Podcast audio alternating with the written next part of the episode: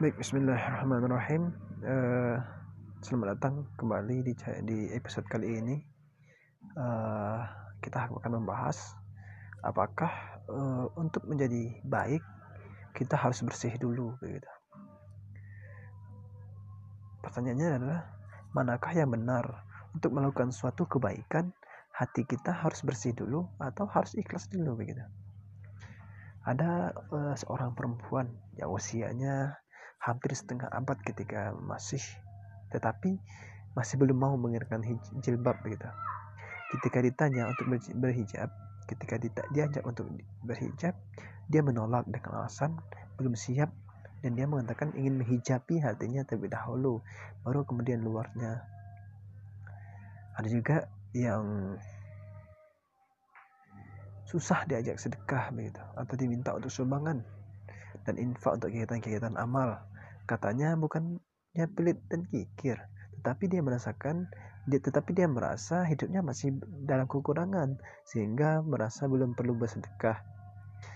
Ada uh, juga uh, seorang yang masih sering dihinggapi rasa bimbang saat mengajak orang lain untuk berbuat kebaikan karena takut dianggap soalim lah, seorang religius lah, so jadi ustazah lah, hingga akhirnya dia mengurungkan niatnya. Ada yang belum mengerjakan sholat karena memang hatinya belum ikhlas. Ada juga yang ketika melakukan kebaikan tidak ingin dilihat oleh orang lain karena takut dianggap dia ujub dan sebagainya. Ya, banyak dari kita yang menunda-nunda kebaikan, menunda-nunda melakukan kebaikan karena dibebani dengan perasaan harus diikhlas, harus bersih hati, atau harus suci jiwanya terlebih dahulu. Hingga akhirnya kebaikan itu ditunda-tunda. Bahkan mungkin bisa jadi tak pernah terrealisasi karena sudah terlebih dahulu dijemput maut. Lagi-lagi pertanyaannya adalah benarkah untuk melakukan kebaikan suatu kebaikan itu hati kita harus bersih dulu atau harus ikhlas dulu Kebaikan itu harus dipaksa dalam agama kita ada di ketetapan ketet, apa? dalam agama kita dikenal ada ketetapan ketetapan hukum dalam melaksanakan segala sesuatu baik itu ibadah maupun muamalah. Hukum yang terdiri dari wajib sunnah makruh mubah dan haram. Hukum wajib adalah kita bila kita lakukan maka kita akan mendapatkan ganjaran berupa pahala dan bila tidak dilakukan akan mendapatkan dosa mutlak harus dilaksanakan tanpa tawar menawar dan tanpa kompromi. Meskipun itu artinya kita terserah meskipun itu artinya bisa terserah kita memandangnya dari sudut mana. Bila kita mengerjakan kewajiban tersebut sebagai suatu keterpaksaan maka artinya hukum tersebut bersifat memaksa. Bila kita mengerjakannya secara sukarela maka artinya hukum wajib tersebut merupakan kebutuhan. Sebagaimana kita butuh oksigen untuk bernapas Misalnya, bila kita bernafas ter karena terpaksa atau karena kita melakukan membutuhkan dengan sendirinya, maka perbuatan bernafas harus tetap kita lakukan. Bila tidak, risiko ke kerusakan organ-organ tubuh bahkan kematianlah yang kita hadapi. Begitu pula dengan hukum salat fardu, zakat, puasa, dan lain-lainnya yang dihukumi wajib. Maka kita wajib melaksanakannya, meskipun karena terpaksa atau karena kebutuhan kita. Sejak kewajiban itu jatuh pada kita, maka kita wajib sholat fardu meskipun hati kita belum ikhlas. Tak ada kewajiban untuk belajar khusyuk dulu baru sholat. Tak ada kewajiban hati kita harus bersih dulu baru sholat.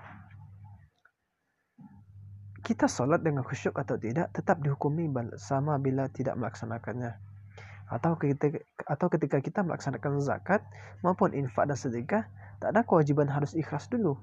Tak ada ketetapan kalau hati belum ikhlas maka tak usah berzakat gitu.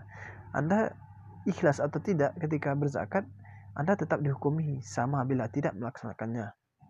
Begitu pula tak ada perintah sebelum melaksanakan puasa maka harus membersihkan hatinya terlebih dahulu. Kalau belum bersih maka tidak usah puasa atau kewajiban berjibab bagi kaum wanita. Perintah Allah Subhanahu wa taala dan menghijabi lahiriahnya bukan jibab untuk hatinya. Jika kita mengaku muslim Meskipun dengan keimanan yang seujung kuku, maka perintah agama yang hukumnya wajib, maka itu wajib dilaksanakan. Meskipun karena merasa terpaksa atau sukarela karena, karena dosa yang diterima akan sama bila tidak melaksanakannya. Keterpaksaan bisa menjadi kebiasaan. Salah satu hikmah adanya hukum wajib dalam agama kita meskipun berkonotasi pemaksaan adalah pembiasaan melakukan kebaikan. Kebaikan yang terus-menerus dilakukan meskipun pada awalnya harus dipaksakan, lambat laun akan menjadi suatu kebiasaan. Maka pada tahap telah terbiasa inilah yang kita akan tahu dan paham mana ibadah kita yang belum khusyuk, mana yang belum ikhlas, hati kita yang belum bersih, masih mengharapkan pujian orang lain atau masih menginginkan balasan dari orang lain. Kita akan mulai sedikit demi sedikit belajar memilah mana ria, mana ikhlas, mana ujub, mana tawadu, mana yang benar-benar karena Allah Subhanahu wa taala dan mana yang karena suatu kepentingan pribadi. Karena untuk ikhlas itu perlu proses dan perlu dilatih. Karena untuk khusyuk itu perlu proses dan perlu dilatih. Karena hati yang bersih itu perlu proses dan perlu dilatih. Ketika kita ingin bersedekah, karena tahu sedekah itu kita akan bermanfaat bagi orang lain, meskipun motif sedekah kita bukan sepenuhnya juga Allah taala, maka kebermanfaatan untuk orang itulah yang akan menjadikan yang akan berlatih kita pribadi kita menjadi ikhlas. Ketika kita ingin mengajak orang lain pada kebaikan, maka tak perlu berkecil hati atau kecewa ketika karena orang lain tak mau menerima ajakan kita. Terus kita hanya mengajak, sedangkan diterima atau tidaknya adalah urusannya dengan Allah Subhanahu wa taala. Ketika kita ingin mengenakan hijab, jilbab suatu jilbab karena tahu eh, ketika kita ingin mengenakan, mengenakan jilbab karena tahu itu perintah dan kewajiban meskipun terpaksa maka keterpaksaan inilah yang akan lambat menjadi menjilbabi hati kita. Coba kita perhatikan orang yang selalu mengenakan pakaian yang islami seperti gamis, serban, udeng-udeng, sarung, dan peci Islam dan peci. Begitu juga mereka yang telah menunaikan ibadah haji dan selalu menunjukkan identitas kehajiannya. Meskipun kita tahu mereka bukan ustadz, kiai dan ulama, kita juga tahu kadar keislaman orang tersebut. Kita sering kali tanpa sadar berprasangka orang tersebut so alim, so ustad, so islami dan sebagainya. Tapi kita tak pernah tahu persis apa motif dan niat orang tersebut mengenakan pakaian tersebut. Mungkin saja orang tersebut memang ingin dikatakan orang alim. Ingin dipanggil ustadz, ingin dipanggil pak haji, ingin dipanggil kiai, dan sebagainya. Terlepas dari niat dan motifnya, maka yang jelas dan pasti adalah mereka berpakaian seperti itu untuk membentengi diri mereka dari segala perbuatan maksiat. Kok bisa?